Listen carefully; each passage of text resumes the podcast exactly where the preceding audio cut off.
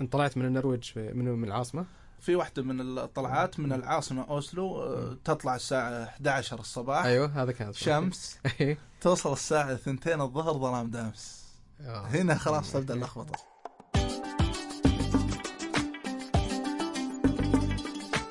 أنتم تستمعون إلى بودكاست إثراء. يقدم لكم هذه الحلقة محمد بازيد. صندوق من المعرفة مفتاحه ماذا لو. انخفاض درجتين في حرارة الشمس معناها هنا على الأرض بداية عصر جليدي كان هذا صوت العالم المصري مصطفى محمود رحمه الله في برنامجه التلفزيوني الأيقوني العلم والإيمان هل تساءلت يوما عن سبب وجود رمز للشمس في منتصف علم الأرجنتين؟ لماذا نسمع منذ عقود عن أبحاث وتطبيقات الطاقة الشمسية ولم نتوصل إلى الآن إلى الاستفادة منها على نطاق واسع وملموس؟ هل يمكنك تخيل حياة لأشهر دون شروق للشمس لا تميز فيها الليل من النهار إلا من خلال ساعة على شاشة جوالك؟ في هذه الحلقة ننظر إلى الشمس هذا القرص الملتهب الذي يبقي الكوكب حيا من خلال ثلاث خبرات ونسأل ماذا لو اختفت الشمس؟ مثلا آه، في قصة آه، سليمان وجدتها وقومها يسجدون للشمس من دون الله. هذا دلالة على أنها حتى في الحضارات السبائية كانت الشمس أيضا تحتل مكانة آه، مكانة عالية. تخيل الشمس من منظور الشعوب القديمة قبل الديانات السماوية. قرص متوهج في السماء بالغ القوة يمدنا بالدفء وينير الأرض ويمنحنا رؤية ممتدة ويشعرنا بالأمان. يغيب ويعود مجددا في الصباح. لابد أن غياب الشمس كانت لحظة محملة بالقلق والتوجس للإنسان القديم ولابد أن عودتها كانت تجلب النشاط والتفاؤل والإقدام والثقة مجددا. سلطان الموسى هو كاتب وباحث في الأديان والحضارات وعلم الأساطير. الشمس تحتل مكانة ألوهية عند الشعوب القديمة ابتداء من الشعوب البدائية. فكانوا يبتهلون كثيرا عند شروقها ويخافون عند غروبها. الشمس تعتبر من قوى الطبيعية قوى الطبيعة اللي الإنسان كان يتقرب إليها ويخاف من شرها وي- ويخاف حتى من آه، غيابها. إذا مرت بعض قوى الطبيعة بظروف مختلفة على عهد الإنسان هو في هذه الحالة يحاول أن يتقرب إليها حتى تعود إلى سالف وضعها الطبيعي. وأنا أعني هنا حالة الكسوف التي تتعرض لها الشمس. كانت الحضارات القديمة تعتقد أن هذا نوع من أنواع الغضب فيحاول أن يتقرب إلى الشمس بأغلى ما لديه من القرابين وأغلى ما لدى الإنسان غالبا يكون قربان بشري.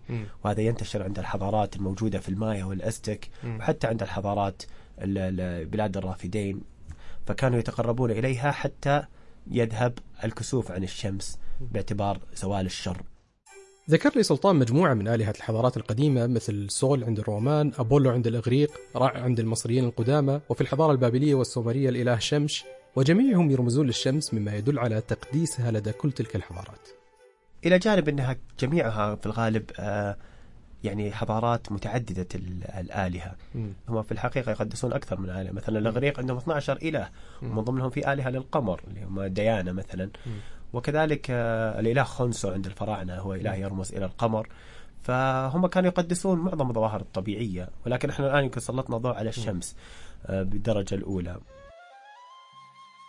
نعرف أيامنا وليالي وليالينا بشروق الشمس وغروبها ونعرف سنوات عمرنا بعدد دورات الأرض حولها. تلك هي الشمس ملهمة الشعر والنغم. هذه المقتطفات من حلقة مخصصة حول الشمس من برنامج العلم والإيمان. نوردها في هذه الحلقة تكريما لأحد أهم رواد البرامج الإثرائية العلمية في العالم العربي دكتور مصطفى محمود. أعود الآن لسلطان الموسى وأسأله ما هو الأثر الذي نراه اليوم من جراء تقديس أسلاف البشرية للشمس. في موروثات ميثولوجية. ما زلنا إلى اليوم نقوم ببعض ال ال ال الأفعال. طبعا لا نؤمن بها حقيقة وإنما هو موروث يمكن بعضنا ما وقف. ويتساءل من وين جانا. هو حقيقة من امتداد الأديان التي كانت تقدس الشمس. مثلا إذا طاح سن واحد لا زال اليوم ياخذه ويقدمه إلى الشمس ويقول يا شمس خذي سن وأعطيني سن غزال أو أيوه. صحيح. هذا في الحقيقة كان من نوع من ال- ال- ال- التقرب إلى الشمس اللي كان يقدم لها قريبا باعتبار أنها الوهابة. هل الإنسان القديم أدرك آه، بداهة أنه الشمس آه، إن صحت إن صحت المقارنة؟ أكثر أهمية من القمر. يعني يمكن القمر لل- في النظر إليه. آه، يعني ارتبط بجانب شاعري شوي. آه لا زالت للشمس أفضلية التقديس لعدة أسباب. م. أول شيء ارت- آثارها الملموسة من حيث النور. م. الإنسان يهم النور قديما أكثر من أي شيء. آثارها الملموسة على الدفء الإنسان م. كان يهم الدفء أكثر من أي شيء. وأخيرا آه، تقديم تأليه الشمس على القمر كان لأن الشمس تظهر كاملة القمر لديهم منازل مم. بالنسبة لهم فالإله لا ينقص عند معظم الحضارات القديمة إيه. فنقصان القمر يقدم تأليه الشمس عليها فكانت الأفضلية تقديس الشمس م.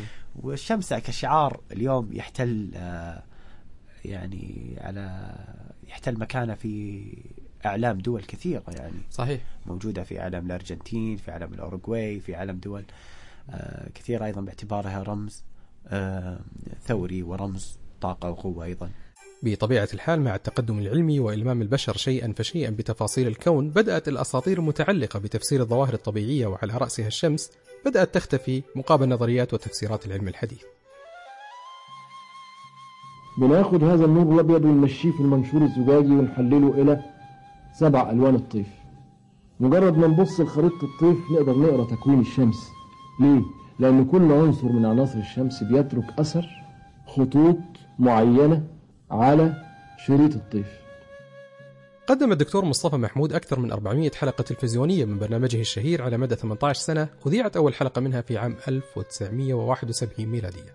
طبعا شمال الكرة الأرضية أو أقصى شمال الكرة الأرضية من القارة الأوروبية آه، في فصل الشتاء تجي أشهر الشمس ما ما تظهر ما آه، تشرق. ما ت- ما تشرق تماما. أشهر.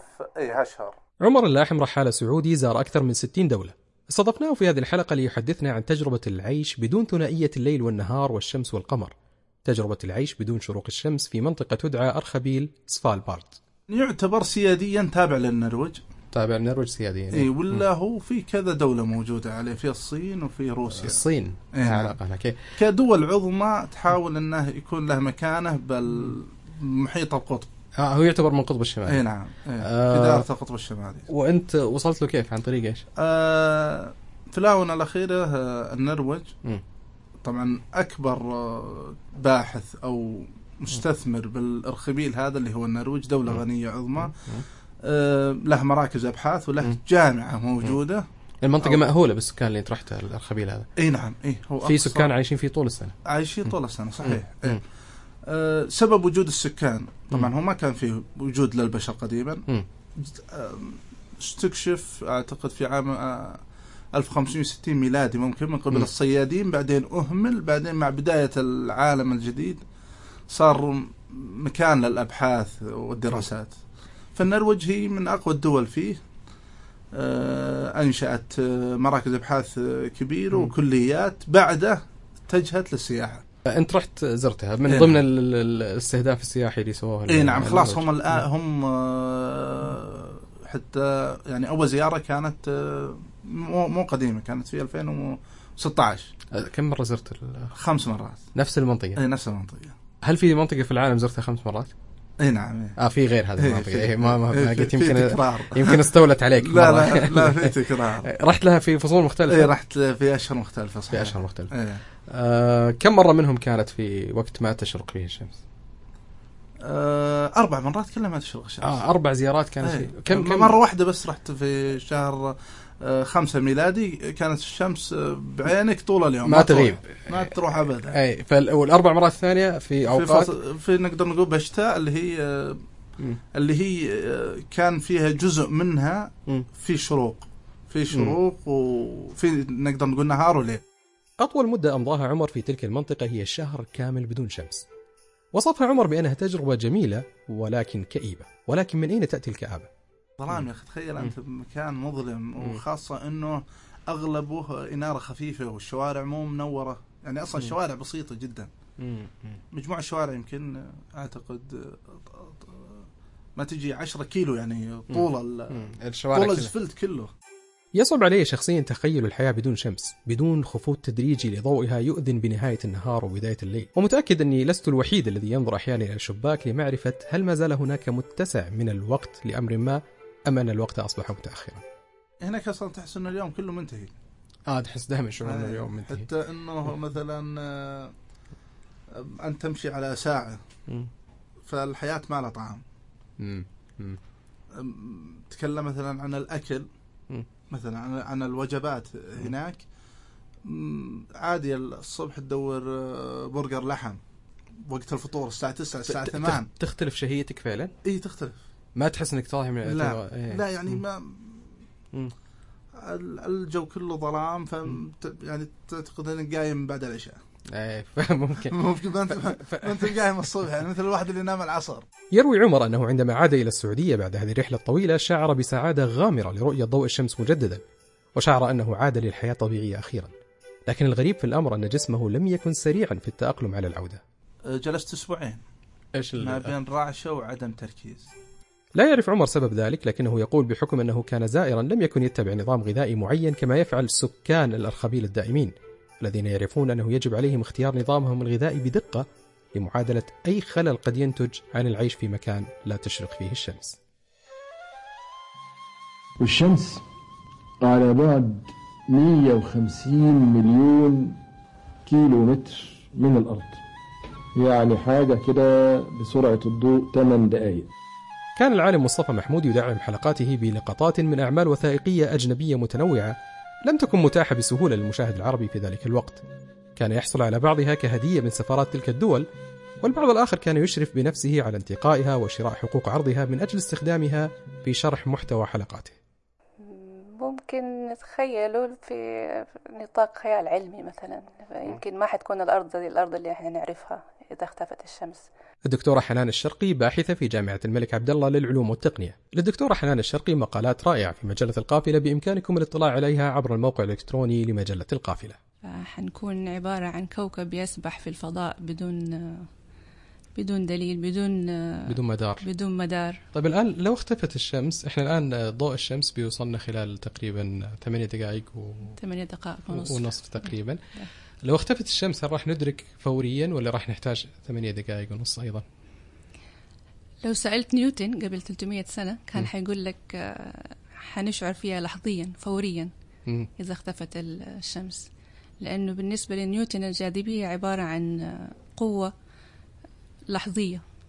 يعني قوة خفية لكنها لحظية تختفي الشمس تختفي جاذبيتها معها مباشرة مباشرة في نفس اللحظة. إيه. لكن طبعا مع أينشتاين والنسبية العامة حقته اكتشفنا إنه هذا الشيء ما هو صحيح الجاذبية تنتقل في الفضاء بسرعة الضوء فنفس جميل. السرعة اللي حيوصل بها الضوء إلينا اللي هي 8 دقائق ونصف بعد 8 دقائق ونصف حنشعر بأنه ما في ضوء وحنشعر إنه يعني ما دائما ما. في شمس ما في الشمس. ما في. آه فحتى الجاذبية إذا سرعتها هي نفس سرعة ال- ال- الضوء. الجاذبية هي قوة م. فتنتقل في الفضاء بسرعة الضوء نفس سرعة الضوء. تنتقل الجاذبية فيه بطبيعة الحال كان هذا حديث فرضي حول ماذا لو انطفأ نور الشمس فجأة وهذا أمر غير وارد في حسابات الفلكيين إلا على شكل كسوف ربما ما يقوله الفلكيون وفيزيائيو الكون هو أن الشمس الآن تحترق وتتضاءل كتلتها يوما بعد يوم إذا حبينا نفهم الموضوع بجد لازم نفهم إيش هو مصدر الطاقة في الشمس. مصدر الطاقة في الشمس الطاقة الشمس عبارة عن مفاعل نووي اللي, اللي بيحصل في نواة الشمس اللي هي ال core حق الشمس. بتحصل حاجة اسمها تفاعل إحنا نسميه ال nuclear fusion أو الاندماج النووي. الاندماج النووي هذا ناتج عن شو تفاعل إحنا بنحاول نحاكيه لأنه يعني طريقة ممتازة لإنتاج طاقة المفاعلات النووية الموجودة حاليا بتحاكي الشمس؟ لا إحنا بنحاول نوصل لتقنية ال nuclear fusion لإنتاج طاقة. آه بس هذا غير موجود بس حتى آه، حاليا ما ما في محاولات ناجحة للأسف. بس هو اللي بيحصل إنه في باطن الشمس في في ال core حق الشمس في ضغط جدا عالي إنه كتلة الشمس كتلتها يعني هائلة جدا. كتلتها تعادل 333 ألف مرة كتلة الأرض. wow. فالنواة حقتها فيها ضغط عالي جدا وضغط وحرارة عالية جدا. إيش اللي بيحصل؟ نواة الشمس فيها آه، ذرات هيدروجين. فبيحصل ال- الاندماج النووي ده بيحصل بي يعني بيلاقي بيئة طبيعية بيحصل فيها. مم. في اندماج ال nuclear fusion هذا آه، بتندمج ذرات الأكسج... الهيدروجين بتتحول تندمج كذا أربع ذرات وتنتج لنا ذرة واحدة من الهيليوم. فعنصر الهيليوم الكتلة حقته أصغر من كتلة ال- الهيدروجين. الهيدروجين. فبالتالي حيصير عندك فرق في الكتلة. الطاقة الهائلة التي يولدها الاندماج النووي في الشمس تجعل فكرة محاكاته على سطح الأرض جذابة للغاية. لكن أمام هذه الفكرة عقبة أساسية. لكن ال- العقبة التقنية اللي عندنا إنه هو تحتاج إنك عشان تدمج أنوية الذرات مع بعض أنت أصلا تحتاج طاقة جدا هائلة. عشان ف- إيه. وهذه الطاقة من فين بتجي في الشمس؟ بتيجي من لأنه هذا ال nuclear fusion مهيأ لها بيئة طبيعية إنها تحصل هذه. العملية ال reaction هذا يحصل طبيعي. يحصل بشكل إيه، طبيعي لأنه لتوفر ال- العناصر كلها يتوفر العناصر وتوفر البيئة اللي هي الضغط العالي جدا. في باطن بسبب الشمس كتلة الشمس. كتلة الشمس ودرجة الحرارة. جدا. إيه. لكن حتى لو لم نتمكن من استنساخ آلية توليد الطاقة التي تشعل الشمس بأكملها فلدينا على الأقل طرق لاستقبال الطاقة من الشمس وتخزينها وتنظيم الاستفادة منها.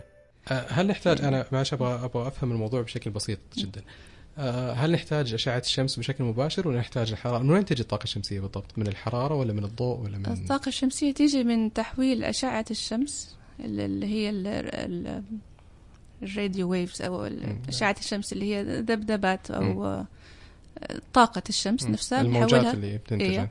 بناخدها بتنعكس على أسطح اللي هي الخلايا الضوئية بنحولها إلى طاقة حرارية تتحول بعد كده إلى طاقة مفيدة ولكن حتى الطاقة الشمسية فإن الدكتورة حنان تقول أن أمامها عقبات تحد من انتشارها على نطاق واسع. مثلا كمية الشمس اللي نستقبلها هنا في السعودية أو في الصحراء العربية تختلف عن كمية الشمس اللي في مدينة زي سياتل مثلا أو مم.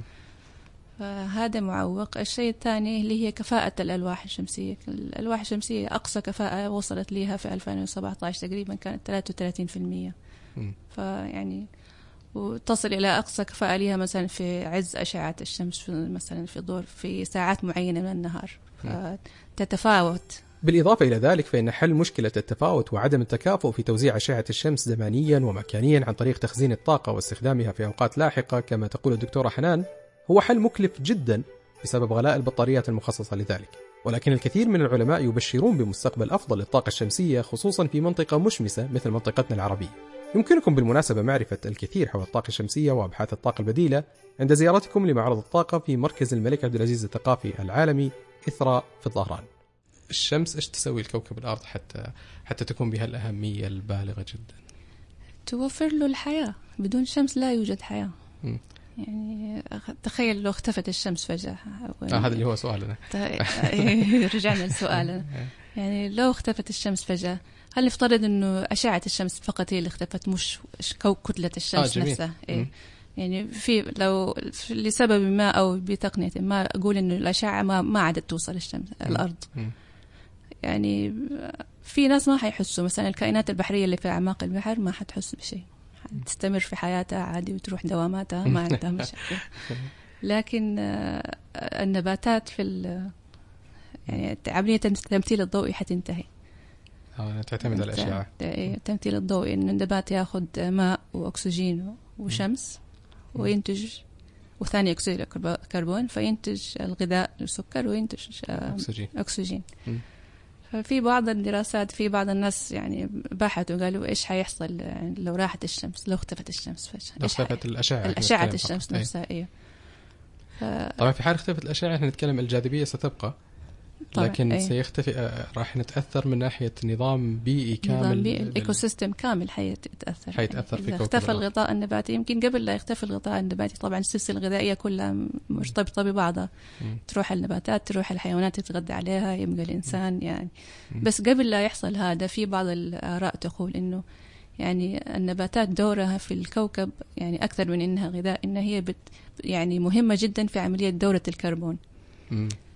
آه، ال- الغلاف الجوي يعني في تقريبا نسبة الأكسجين فيه 20 21 في المية. والنسبة الثانية أكسيد الكربون يعني لازم لا تتعدى واحد في المية. إذا تعدت واحد الواحد في المية نسبة ثانية أكسيد الكربون وصلنا لمرحلة السمية. لا يصبح يعني قابل للحياة. إحنا لو طرحنا هذا السؤال وقلنا ماذا لو اختفت الشمس؟ خلينا نقول قبل 10000 سنة. كان ولا شيء من اليوم موجود. ما لا يوجد بشر يقدسون الشمس لا توجد آه، قصص أخناتون ورعامون وأبولو وغيرها.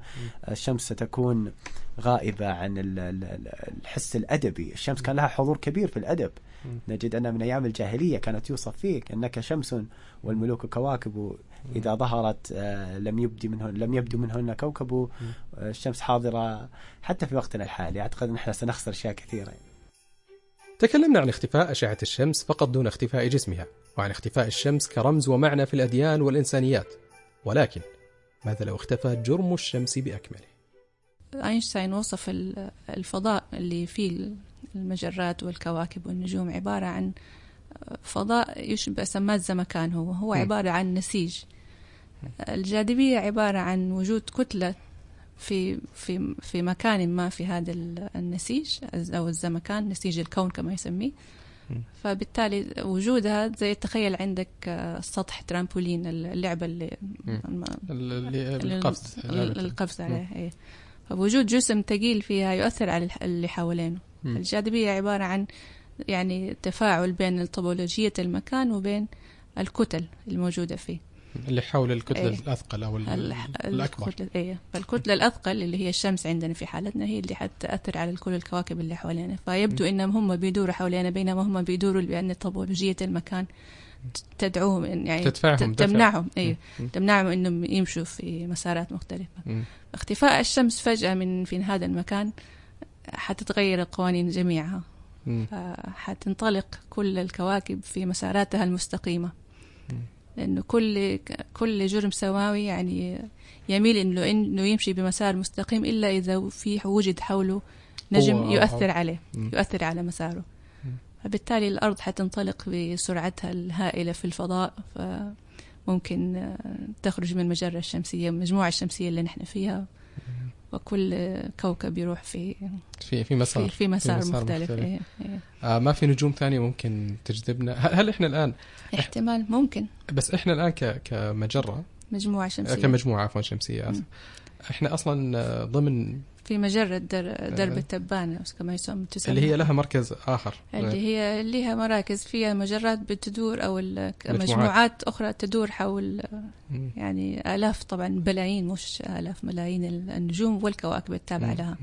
فلا نعرف بالضبط أي مسار سيأخذنا إليه يعني أو م. أي كوكب أو جرم سنصطدم به. احتمال يعني وارد جدا لن... يعني هو سؤال افتراضي بس حتى من يعني, يعني الشمس موجودة إن شاء الله. دائما بعد كده يجي مرحلة استنفاد وقود الهيليوم فتبتدي الشمس تنكمش فجأة وانكماش في المرة دي بيبقى انكماش هائل وما يفضلش منها إلا قزم أبيض صغير في النص وعلى الأطراف عبارة عن غازات متأججة وركام من بقايا الشمس ويبتدي القزم الأبيض الصغير اللي فاضل يبرد شوية شوية لغاية ما يختفي في الفضاء السحيق. فإذا فاضل إن شاء الله في عمر الشمس خمس تلاف مليون سنة. ده في تقدير الفلكيين. قبل ما تبلغ الشيخوخة والحمد لله مش هنحصل الحكاية دي.